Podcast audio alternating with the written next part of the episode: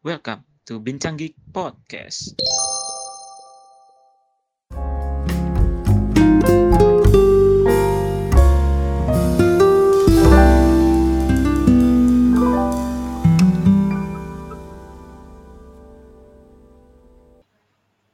Halo guys, balik lagi di Bincang Geek Podcast.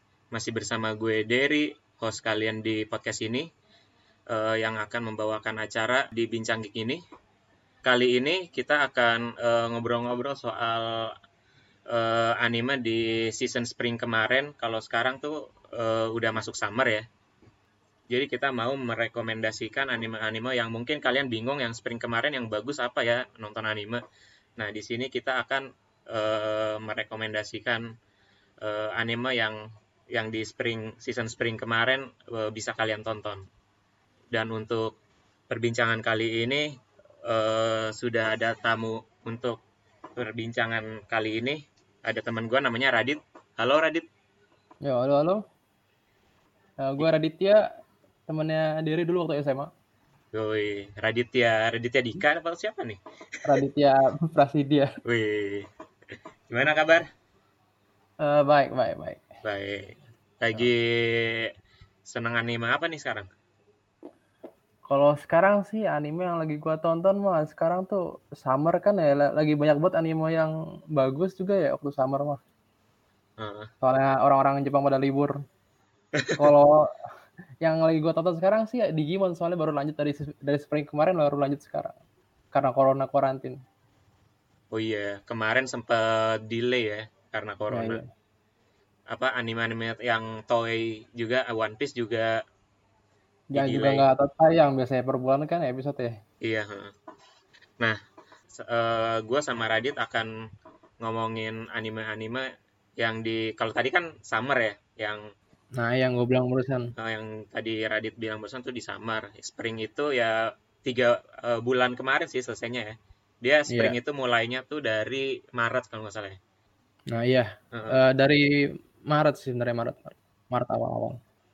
Nah, sebelum kita masuk ke perbincangan kita, gua nggak capek-capek untuk ngasih tahu kalian buat jangan lupa follow sosial media kita.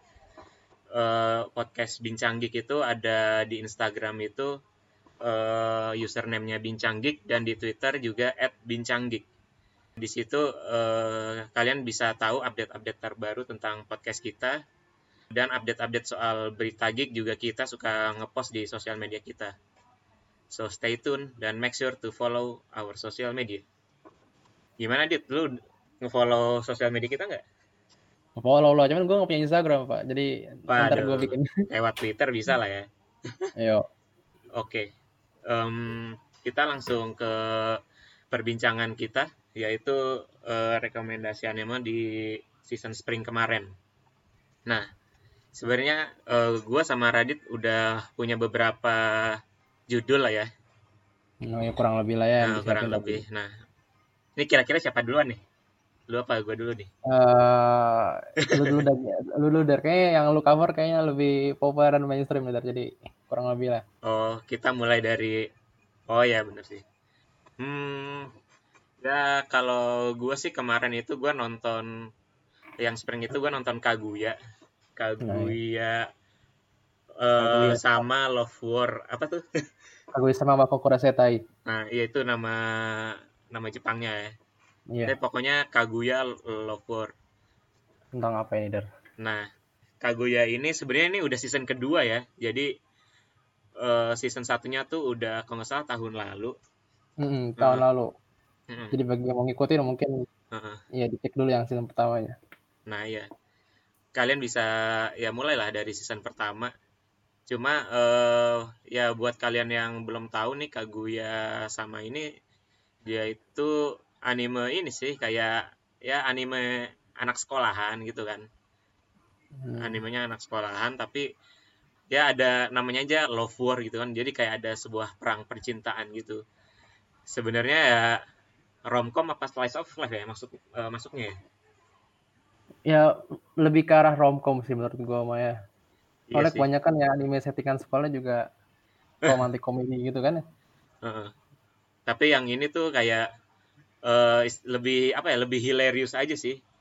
Kayak itu kan settingannya di sekolah terus eh, Hmm. pokoknya ceritanya ada satu cowok sama satu cewek itu mereka tuh di apa kayak mereka tuh orang osis lah ya yang cowoknya ini ketua osis yang ceweknya ini eh, wakilnya jadi mereka tuh eh, love war-nya ini apa istilahnya kayak mereka saling ngetis gitu eh, agar misalnya yang cewek ini ngetis biar cowoknya ini mengungkapkan perasaannya ke dia yang cowok juga kayak gitu Soalnya mereka juga anak sekolah unggulan gitu istilahnya kan ya. Heeh. Kalau lo mau mau apa namanya mau confess gitu kan juga di- disangkanya nih kayak rendahan gitu kan ya. Jadi Heeh. untuk ngalahin dia itu harus benar-benar membuat lawannya yang confess ke dia jangan. Jadi kayak high IQ plays gitulah ya. nah iya kayak apa eh ma- istilahnya ya main kode-kodean gitu Nah, iya. yang yang si cewek ngekode cowok tapi eh, literally in hilarious way gitu kayak kalau kemarin tuh eh, yang season 2 ini ada yang kayak mereka main game gitu kan mereka game main game monopoli tapi kayak kalau misalnya misalnya lu eh, nyampe suatu tempat gitu kan terus gak taunya si A sama si B eh mereka nikah gitu kan. Terus yang si C ini jealous gitu kan. Si ceweknya ini si Kaguya sama aduh siapa cowoknya? Shirogane, Miyuki, Miyuki. nah si Rogane. Pokoknya ya kalau di situ kan kayak eh, si Shirogane sama si Jika. Chika eh, eh. kalau yang di episode itu kan eh, mereka main monopoli terus di monopoli itu si Chika sama si Rogane tuh ceritanya nikah di monopoli itu. Padahal kan itu game tapi si ceweknya tuh si Kaguyanya tuh langsung kayak jealous gitu. Ya mungkin jadi karakternya itu setiap orang tuh beda-beda gitu ya kan. Kayak si Chika laid back banget, relax, slow gitu kan ya. Heeh. Terus ada Kaguya yang kayak try hard banget, kayak apa ya sama Miyuki mungkin yang agak nggak agak nebak-nebak cuman berusaha mikir terus nih gimana pahamin mereka dua cewek ini kan di osisnya. Heeh, iya eh Miyuki itu yang cewek ya Yang cowok cowok Eh, yang yang main cowok yang main yang main game itu kan ya Eh, bukan eh. bukan itu si Ishigami itu, Yu Ishigami. oh iya itu Yui Sugami Miyuki itu si ketua osisnya itu. Nah iya. Terus eh jadi kan kalau di ratingnya ini sendiri Kaguya ini juga sebenarnya tinggi loh. Cukup tinggi kalau gua lihat-lihat tuh. Ratingnya itu 8,9 loh. Kayak udah nggak diragukan lagi untuk nggak lu tonton gitu sebenarnya. Dan misalnya juga lu uh, biasa nonton shonen doang, kalau untuk anime mungkin uh, untuk untuk mencoba genre baru kayak apa kom Romcom. romcom school slice of life school life gitu mungkin Kaguya bisa dicoba lah untuk Hmm. portal buat apa namanya ngeksplor genre baru di anime. Dan ini juga lucu banget sih menurut gue. Kayak lu nggak usah berharap banyak tapi lu bakal dikasih sesuatu yang benar-benar sangat menghibur lah ya. Kalau Ah. menurut gue sih. Terus eh tadi kan gue udah kagu ya, sekarang gantian si Radit nih. Hmm, kalau gue sih yang Apa? mirip juga slice of life mah ya Kakushi Goto. Kakushi Jadi Goto ya. Kakushi Goto itu tentang seorang single father. Hmm, Namanya sendiri Kakushi Goto nama. Kakushi spasi Goto. heeh. Itu Ini ada artinya ya? Ada permainan kata-kata sendiri kan nama Hmm. seriesnya Kakushi Goto artinya secret kan ya rahasia. Heeh, Cuman si single father namanya Kakushi spasi Goto gitu kan. heeh. Mungkin pemain mainan word di situ pemain kata-kata. Jadi tentang si single father ini si eh, Goto san ini dia ini dia ini kerjaan ini pak kerjaannya nulis apa namanya nu- bikin bikin apa bikin komik-komik cabul Pak, di koran-koran ini gue gue nggak gue nggak bilang gue nggak bilang merek ya cuman lu Iya. tahu koran la- lampu yang di lampu merah kan koran di lampu merah Oh, Koran iya. yang di lampu merah. Oh iya ya, gitu. kurang lebih kurang lebih kan ada ada ada komik-komik cabulnya gitu kan ya ya, ya kurang lebih itulah kerjaannya si Goto Mhm, dia ini sebagai single father dan punya anak perempuan heeh. dia tuh dia tuh mencoba sekeras mungkin se- se- sesusah payah mungkin supaya anak perempuan ini nggak tahu kalau dia ini bekerja sebagai eh, apa namanya manga- mangaka cabul gitu Oh. Iya, di Iya. single father. Sebenarnya dari plotnya sih menarik juga sih. Kayak dia mem, apa eh, merahasiakan ident, eh, identitas pekerjaannya dari anaknya sendiri gitu. Ya jadi pokoknya dia kan dia kerja ke tempat tempat apa namanya tempat nulis dia, tempat writing dia di apa namanya di apartemen berapa gitu. Hmm. Dia pulang ganti baju pakai jas dulu, pakai pakai baju kantoran lah ya. Baru balik lagi ke, ke rumahnya. Wah, gua oh. bapak habis pulang kerja nih, apa namanya? Kan bapak cuma seorang apa namanya? Orang kantoran. Uh, pekerja kantoran gitu. uh, si anaknya nggak tahu ini kalau bapaknya itu apa namanya bapaknya bapaknya nulis bikin manga itu, manga Ero. Ero. Pastinya sih plotnya mungkin yang yang bikin menarik plotnya nggak mungkin seputar itu doang. Hmm, iya. Yeah. Kalau gue jelasin plotnya justru itu kalau yang di akhir akhir di episode 12 ini mungkin it, plot plot yang sentral ini bakal jadi spoiler yang berat gitu. Jadi menurut gue itu hmm. mirip sama itulah, mirip sama Attack on Titan, Kaminoto gitu lah. Plotnya tuh nggak terlalu jelas di apa namanya di, nonton oh. atau membaca atau membaca manganya gitu loh. Waktu lu sampai akhir baru ketemu nih plotnya. Jadi selama ini selama ini tuh lu ngebaca uh, ngelewatin apa cerita-cerita yang itu nggak apa namanya nggak sia-sia lah cerita-cerita yang nggak jelas ini. Hmm. Di ujung-ujungnya lu ngerti ke mana ibunya lah, ke mana apa namanya. Oh gitu uh, ya, anak, sampai anaknya ini siapa gitu loh. Bapaknya ini siapa sebenarnya gitu. Sebenarnya kan uh, dari awal lu jelasin sinopsisnya kan gue langsung muncul beberapa pertanyaan kan kayak uh, dia single father berarti ibunya ke mana gitu kan terus kenapa dia merahasiakan mm-hmm. uh, itu bakal apa bakal kelihatan semua nantinya ya Iya ya, pokoknya di misalnya nonton satu episode ini selalu sama nih formatnya Pak. Jadi format si ceweknya waktu dia udah SMP, di mana bapaknya nggak ada, terus balik lagi ke format eh di uh, anaknya ini waktu dia SD, di mana bapaknya masih nyembunyiin pekerjaan dia gitu loh. Hmm. Eh, dari 1 sampai episode 11 gitu kayak gitu terus sampai episode 12 di reveal kenapa ini si si di di SMA si ceweknya ini udah nggak ada bapaknya oh ternyata bapak masih hidup gitu loh hmm. dan setelahnya lu cek sendiri gitu ya. iya sih tapi ini kayak maksudnya dia uh, drama yang uh, slice of life gitu atau yang lebih bikin nangis kayak gitu ya? Hmm, agak agak aneh ya. Kalau namanya slice of life juga lu, lu tiap nonton satu episode ketawa, episode ketawa. Hmm. Mungkin ada beberapa konflik atau uh, apa namanya permasalahan, tapi kan langsung resolve dalam satu episode. Hmm. Kalau di Kaku Shugoto ini agak beda menurut gua. Hmm. Makanya mungkin kalau uh, kalau udah biasa nonton apa namanya yang slice of life kayak Kaguya atau uh, Barakamon, mungkin hmm. gua rekomendasi juga Kaku Shugoto. Barakamon bagus sih Nah, ya baru kamu udah nonton deh. Uh, yang udah. lukis apa namanya? Nah, itu keren sih. Bener-bener apa ya? Uh, apa kayak seriusnya dapet, sedihnya dapet, ketawanya dapet. Nah, iya. Iya. Berarti kira-kira kayak gitu lah ya. 11 mm -hmm. 12 ya genrenya lah. Genre 11 12 pastinya kalau lu, lu nonton eh, eh, yang gua gua dapat positif dari anime ini pasti karena voice main voice aktornya ini si Hiroshi Kami apa yang sering nongol di Fate, sering nongol di uh, apa namanya? Uh, Bakemonogatari itu yang jadi main karakternya yang hmm. suara suara yang ngomong dua paragraf, tiga paragraf tiap yang cepet banget ya, anjir. Iya. Dia bisa. Atau lu tahu nggak sih yang yang apa sih Imoto digosok gosok gosok gigi no sama sama kakaknya? Gue lihat di YouTube tuh kayaknya. Gue belum nonton episodenya tapi gue kayak pernah lihat kurang lebih sembilan hitamnya ya.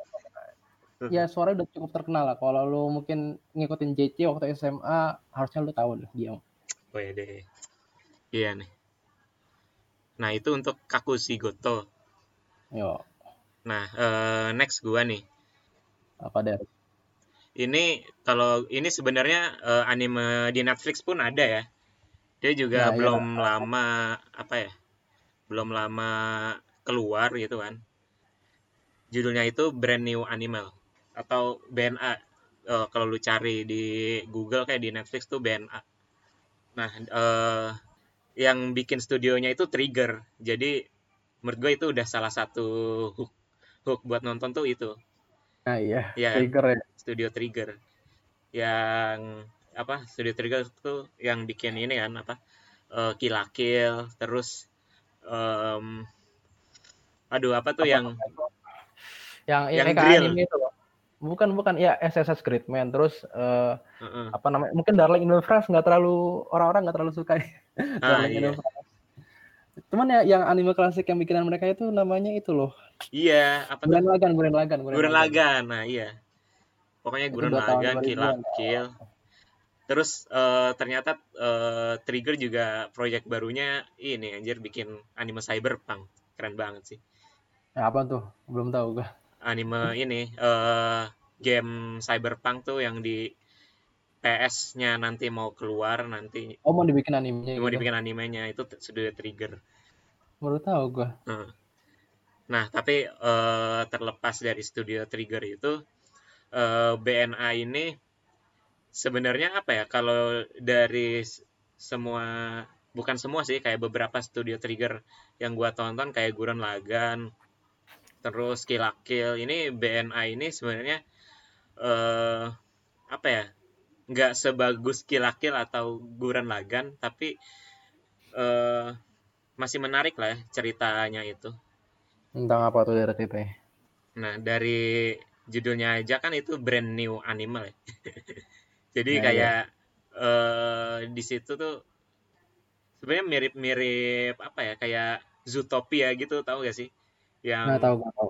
eh, yang orang Atau tapi dulu ada anime Beastars juga mirip, mungkin eh, Beastars. eh, mirip-mirip Beastar juga, tapi eh, di sini beda. Di sini tuh bener-bener literally ada di sini namanya Beastman. Beastman itu yang eh, setengah manusia, setengah orang gitu.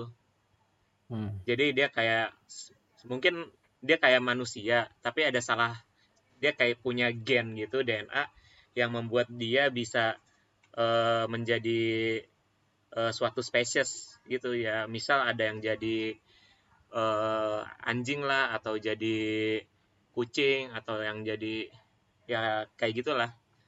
Cuma di sini ada nah itu ada manusia beneran yang nggak bisa jadi binatang, ada yang bisa jadi binatang Nggak bisa berubah. yang bisa berubah. Nah, cuma yang eh, bisa jadi binatang ini yang di yang kena diskriminasi. Jadi kayak diskriminasi antara manusia sama beastman.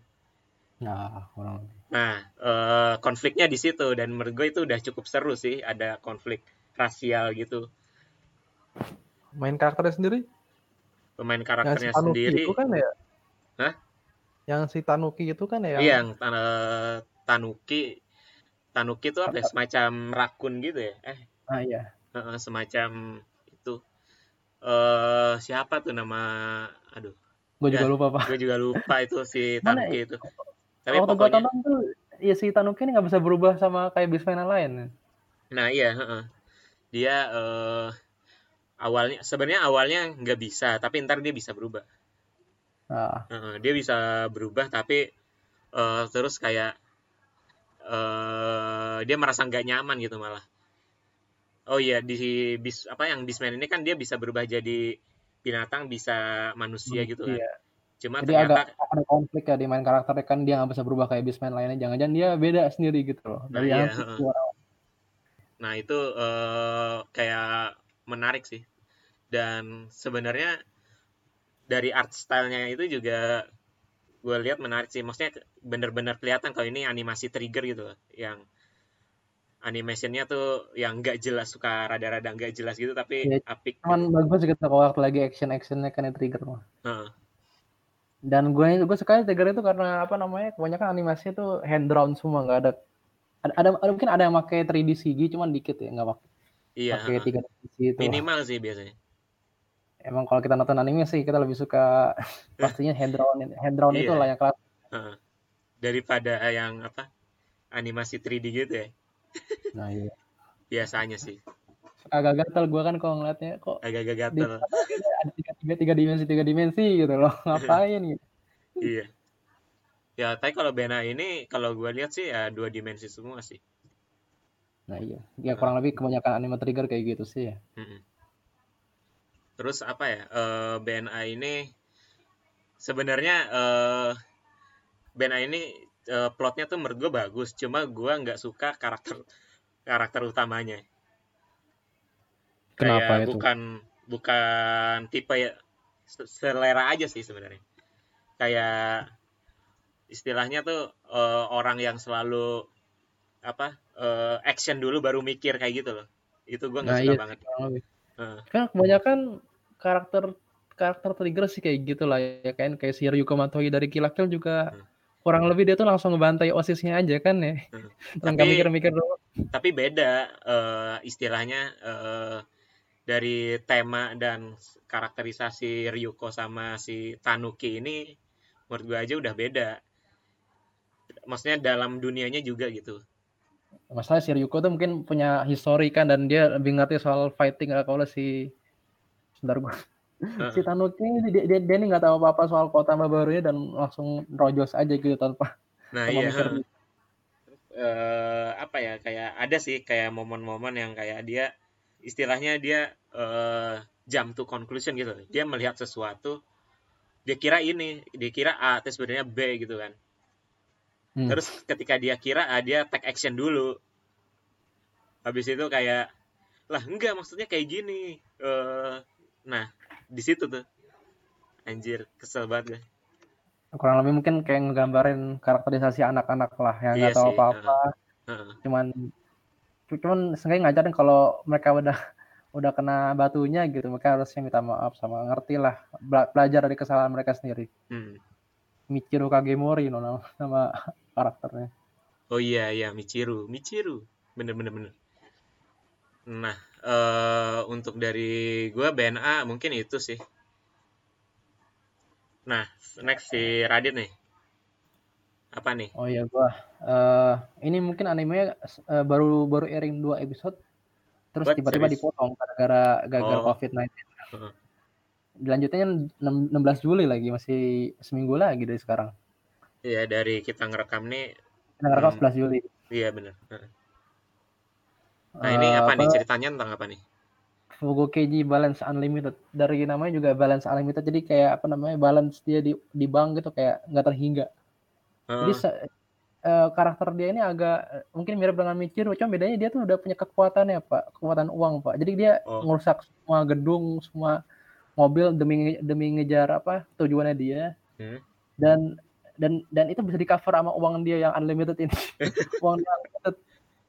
Eh, dia tuh awalnya kerja sebagai ag- ag- agen dari apa namanya United Nations awal-awal. Cuman eh, tiba-tiba dia nge-shift untuk kerja buat apa namanya buat detektif buat kepolisian Tokyo. Hmm. yang nanganin eh, kejahatan modern biasa kayak apa namanya pelecehan seksual atau eh, pencopetan kayak gitu gitulah Hmm. dan pastinya main karakternya bukan si bukan si karakter ini yang tadi gue bilang punya kekuatan duit nah ini sih si- namanya Daisuke Kambe Oh. terus karakter pertama kita di anime ini Hmm. si eh, di anime namanya Ha- Harukato Harukato ini eh, seorang detektif yang masih muda juga Hmm. dia ini eh, punya sense of justice yang tinggi ya Iya. Jadi eh, dia tuh nggak bakal mau disogok dia tuh pokoknya mau ngejar mau ngejar apa pun buat nyelesain kasus yang dia dapat gitu kan terus eh, tiba-tiba eh, tiba-tiba si Daisuke Kambe ini Heeh. eh, nyelesain kasus dia dalam satu dengan satu taktik pak Oh. dengan nyuap orang, nyuap informan segala macam. Dan dan pastinya si si Harukato ini yang kerjanya susah payah buat nyelesain kasus-kasus ini pasti itu bukan apa ya apa namanya eh, namanya iri gitu atau apa namanya kok Eh, gue kerja keras keras dan orang ini bisa nyelesain dengan dengan gam- Jealous. dengan mudah gitu, Iri. dengan uang. Eh. Gue nggak tahu antara iri, cuman dia di animenya mungkin dia bilang sendiri, waduh ini bukan cara yang benar buat menyelesaikan masalah. atau buat apa namanya buat mening, buat menegak, menegakkan justice menegakkan apa namanya keadilan Hmm. Hanya dengan uang gitu loh Eh, dan kita bisa ngelihat eh, interaksi antara dua orang ini mungkin mereka nyelesain kasus demi kasus eh, dan menghadapi masalah yang mereka da- datangin kurang lebih kayak gitu Hmm, ceritanya. sih. Eh, tapi ini eh, apa ya? Dia drama real life gitu atau apa? Ah, makanya mungkin menurut gue lebih ke arah shonen sih karena Shonen. atau action gitu segala macam Oh, action gitu ya. Heeh, action Tapi dia baru dua episode ya. Jadi sebenarnya belum belum sih Nah, jadi masih lanjut tahu kan. nih hitungannya sama berarti ya kalau dipotong Maya Eh. Jadi kita belum tahu apa eh, ceritanya nantinya bakal kayak gimana gitu ya. ya cuman kurang lebih dari tiga episode itu gue bisa Heeh. bisa pamer rumusin kayak gitulah dan dia ini Rumusnya. bukan dan ini, dia ini or- original anime bukan apa namanya bukan adaptasi manga atau Oh, gitu adaptasi ya. lain. Berapa episode tuh dia? Hmm, Satu seasonnya? satu season masih belum tahu. Ah 11 episode. 11 ya. Hmm. Ya mungkin nanti habis tanggal 16 kalian bisa coba cek tuh 1 2 3 habis itu lanjut tanggal 16 Juli. Ya kan? Iya sih kurang lebih. Yoi. Nah, terus eh, ini rekomendasi terakhir dari kita. Eh, jadi kita, eh, gua sama Radit eh, ngobrol-ngobrol kan, eh, apa nih yang mau direkomendasiin. Terus kita punya satu title yang kita berdua sangat rekomendasi, ya kan? Dit? Nah ya eh, Dan ini apa ya? Sebenarnya eh, cukup menarik sih karena ini yang tadinya kan di webtoon ya. nah, awal Adaptasi juga- dari webtoon, webtoon kan eh, Korea punya kan. Iya. Korea punya tapi di anime dianimekan jadi apa Jika anime jadinya. eh, jadi ininya Jepang juga apa eh, studionya Jepang voice aktornya juga Jepang gitu kan Eh, nama judulnya tuh Tower of God atau kalau Kaminoto. Jepangnya tuh Nama Kaminoto anime. nah eh, karena kita berdua nih merekomendasikan ini menurut lu gimana dit yang membuat lu tertarik nonton ini Hmm, pertama sih karena apa namanya eh, yang diadaptasinya itu kan dari dari webtoonnya itu juga udah jauh banget gitu loh. Jadi eh, sebagai anime only watcher ya kita udah punya Hmm. banyak banyak untuk di-expect lah. Tapi lagi-lagi kan masalahnya dengan manga yang udah jauh dan diadaptasi ke anime pasti kita dapat spoiler. Jadi ya hati-hati aja lah kalau ah, iya. eh, kita mau jadi, mau jadi apa namanya anime only watcher. Udah ada 800 plus loh chapternya kan ya di manhwa-nya. Ah, 800 Iya. Buset, udah mau iniin One Piece ya? Oh, Tapi beda sih. Hah? Ah, mungkin aslinya masih 300 kali. Cuman katanya tuh ada kayak apa namanya? Hah? Si si penulisnya namanya Siu kan ya, si apa namanya manga mangakanya namanya si- Siu kan. Si Siu Siu, ini kurang lebih bikin kayak apa namanya Siu Cinematic Universe lah, kayak universe dia sendiri lah. Jadi ada mungkin bakal, bakal nyambung sama manga dia yang lain. Anjir. Kan yang kita Oh, yang kita tahu kan baru Shinoitap doang kan. Si apa Tower of God lah kalau ba- bahasa Korea kan Heeh. Yang kita baru ini doang mungkin nyambung sama series yang lain. Jadi kalau kalau lo udah baca manga manga Tower of God atau baca manga Shinoitap bisa ngeliat yang lain. Hmm. source materialnya banyak jadi Hmm. tapi kalau mau anime only ya jangan hindari hindari spoiler hindari wiki lah kalau bisa dari wiki. Paling ya tapi Tower of God ini juga sebenarnya dari plotnya sendiri menurut gue tuh menarik ya kayak lu udah dikasih bahkan da- dari apa tujuannya itu eh, judulnya itu kan Tower of God. Judulnya emang kayak gitu. Cuman eh, kita sebagai perspektifnya dari si Bamnya ini kan ya si kreatif Bam si kita nggak tahu apa apa kan. Kita Uh. baru kita tinggal di bawah tower tiba-tiba kita dipanggil aja. Dan kita nggak tahu Uh. apa apa soal dunia itu kan ya mirip Uh. mirip sama Shingeki no Kyojin lah di mana orang-orang nggak tahu soal apa yang di luar dinding kan. Nah iya. Eh gue juga masih masih banyak eh, misteri misteri misteri di Tower of God itu sendiri kan. Maksudnya eh ketika pas gue nonton nih kayak eh gue kira nih Tower of God ini kelihatan bentukannya kayak gimana, towernya kayak gimana, ya kan. iya tapi, Tapi pas eh, gue tonton nih eh nggak ditunjukin, maksudnya apakah ini benar-benar tower atau kayak itu benar-benar di di dunianya itu tuh tower gitu kan. Ya emang segede itu kah Eh, apakah segede itu kah terus kayak eh, kan tower ya harus biasanya ada berapa lantai gitu kan? Itu juga kita nggak tahu strukturnya kayak gimana ada berapa lantai terus eh, apakah akan ala ala sword art online gitu yang tiap tiap apa tiap lantai tuh ada bosnya kah ada yang punya lantainya gitu kan? Hmm, iya kayak gitu sih kurang lebih. Hmm. Eh, dan apa namanya tuh jadi apa namanya bo- world buildingnya ini bagus sih karena tiap lantai jadi eh, untuk ngebuat satu arc atau sesuatu itu udah jelas gitu arcnya seputar lantai itu aja kan ya ganti lantai udah beda arc lagi. Eh, pokoknya oh ya Tower of God ini kan eh, istilahnya kayak sinopsisnya itu kan kayak jadi orang-orang itu ingin eh, memanjat Tower of God eh, agar sampai ke atasnya itu katanya kalau sampai ke atas itu dia eh, orang yang berhasil manjat itu dapat apa sih kayak wish wish Ya, keinginan gratis lah keinginan yang kalian gitu. inginkan itu akan terkabul gitu kan. Nah, Padahal cuma belum ada yang bisa nyampe atas itu kan nih. eh, eh tapi katanya ada, maksudnya kalau dari apa flashback flashback historinya gitu, ada yang udah Oh, nyampe itu yang eh, siapa tuh yang jahat-jahat itu. jahat-jahat. Iya sih, cuma itu itu Nah, itu dari dari apa namanya kurang dari awal-awal dari intro kita bisa ngerti kalau si eh, jahat ini nyampe ta- atas tower apa apakah benar? eh. Nah, itu juga nggak tahu apa bentuknya kayak gimana. Terus pokoknya eh, buat kalian yang suka banget sama misteri-misteri gitu, eh, Tower of God itu cocok sih buat kalian tonton gitu kan. Terus ini sih di Tower of God ini kan kayak mereka eh, setiap orang yang mau manjat itu pasti bakal dikasih tes-tes kayak gitu kan. Mm-mm. Eh, dan menurut gue ini eh, setiap tesnya kan unik dan pemikiran tiap karakter juga unik. Jadinya gue eh, merasakan vibe-vibe Hunter x Hunter. Oh, sama ya ada ada juga vibe vibe lain nih lah Footer Diary itu kan karena apa namanya? Heeh, Kebanyakan orang tuh em- emang berbondong-bondong ngalahin satu sama lain buat nyampe atas tower. heeh. Ya, Dan kayak bukan ya dan apa ngomong-ngomong soal karakter juga ini case-nya banyak banget kayak apa namanya karakternya nggak nggak cuma iya, seputar lima orang atau 10 orang aja cuman ada karakter baru nongol untuk setiap arc mungkin bisa jadi heeh, karena iya. world buildingnya juga luas kan dari dari orang-orang yang udah nyampe tower atas sebelumnya sama orang-orang yang baru nyampe, baru awal-awal nongol di tower Heeh. Kalau dari, kalau dari animasi gimana dari kalau dari animasi.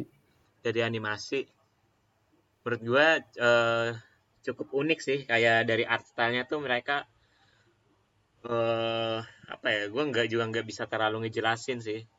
Coba aja sih kalian lihat trailernya tuh. Kalau menurut gue sih kayak eh, mungkin dari warna-warnanya itu mereka lebih lebih eh, lebih terang-terang gitu sih. Lebih kontras. Ya kan Terus- dan dibandingin sama anime-anime lain ada apa kayak mereka kayak benar-benar stick ke apa namanya hand drawn apa namanya yang di flip animasi gitu Iya. loh.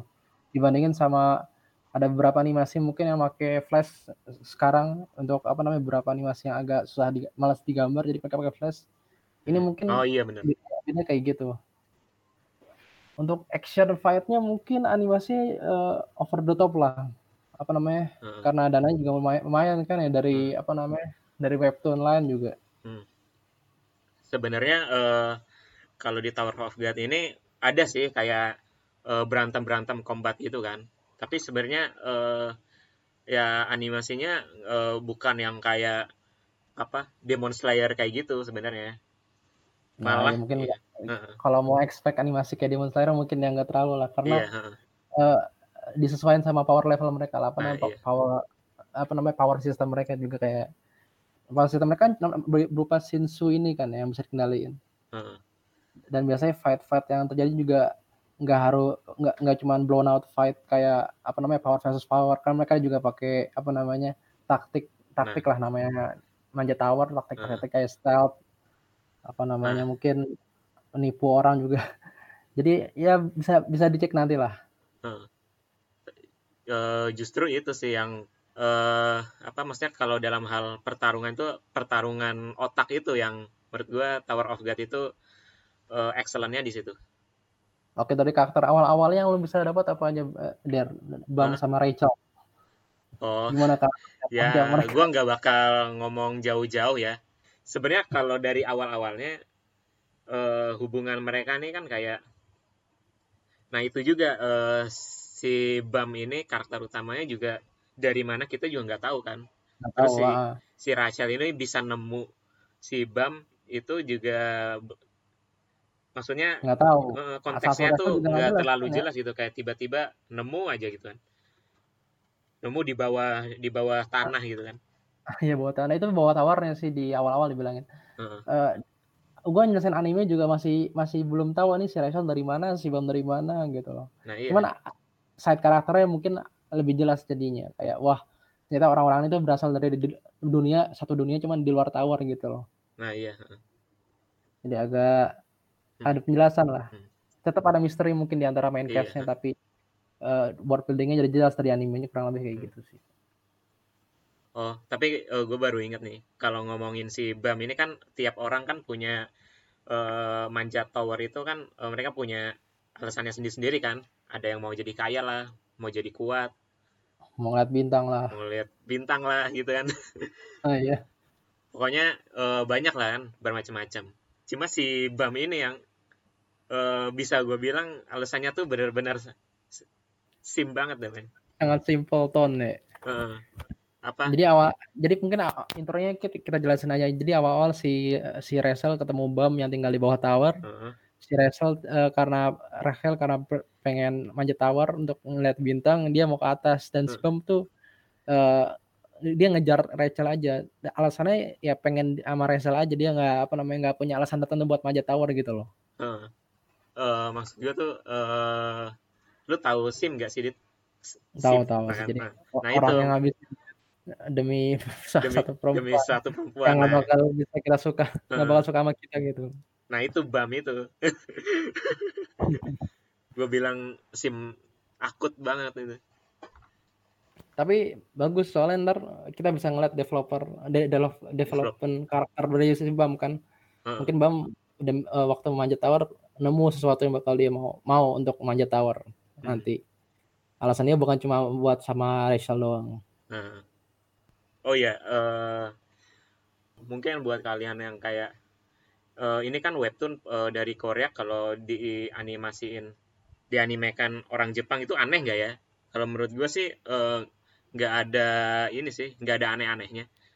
Nggak masalah sih kata gue Eh, mungkin nggak ada masalah. Bahkan eh, walaupun Korea juga punya studio sendiri kan kayak lu lu nonton Legend of Korra nggak Der kan Heeh. itu berapa yang animasin kan studio Korea tuh Der. Oh gitu Korea ya. Selatan. Mm. Jadi ya walaupun yang nganimasin bukan studio Korea tapi menurut gue sih tetap bagus lah ya ujung-ujungnya. Kalau hasilnya bagus. hasilnya bagus dan ini sih juga eh, yang mau gua highlight juga tuh eh openingnya itu K-pop cuy. Nah iya. K-pop tapi tet- tetap tetap iya, banyak sih lagu K-pop yang pakai bahasa Jepang sekarang mah ya. Em, gue nggak sebenarnya nggak terlalu ngikutin K-pop sih.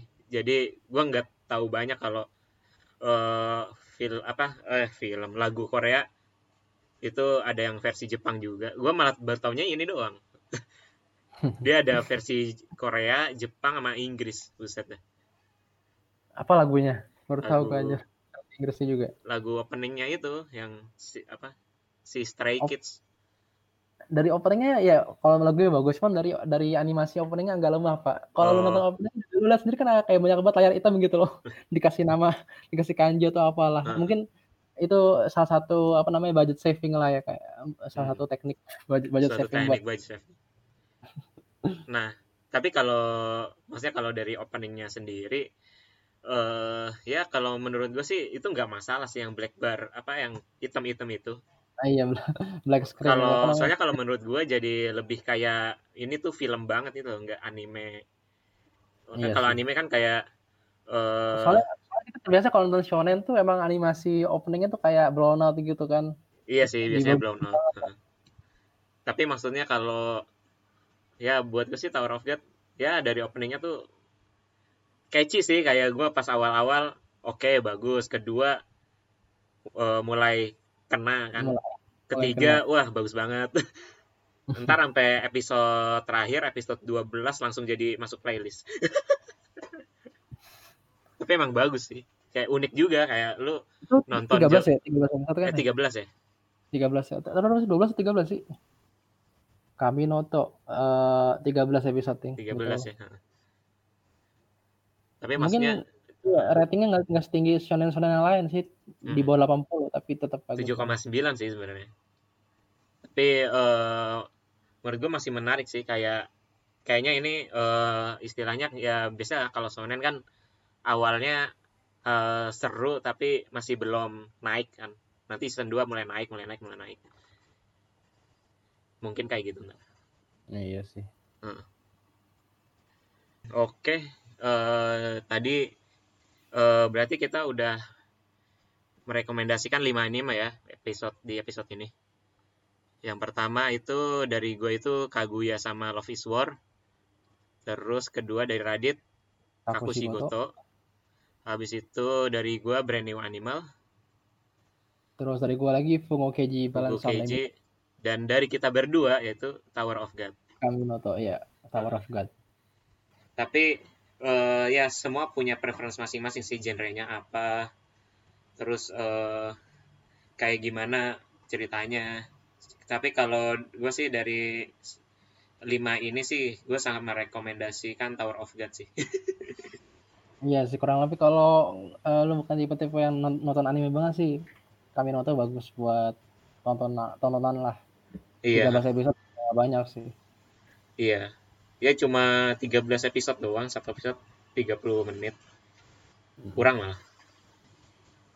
Nah, oke guys, eh, makasih banget Radit udah mampir di podcast Bincang Geek. Sama-sama dari. Yoi, em, makasih juga buat para pendengar setia Bincang Geek. Eh, jangan lupa eh, follow sosial media Bincang Geek dan share juga podcast-podcast kita biar lebih banyak juga pendengar-pendengar setia podcast Bincang Geek. So that's it. Goodbye and stay tuned. boy. Thank you. Thank you, thank you.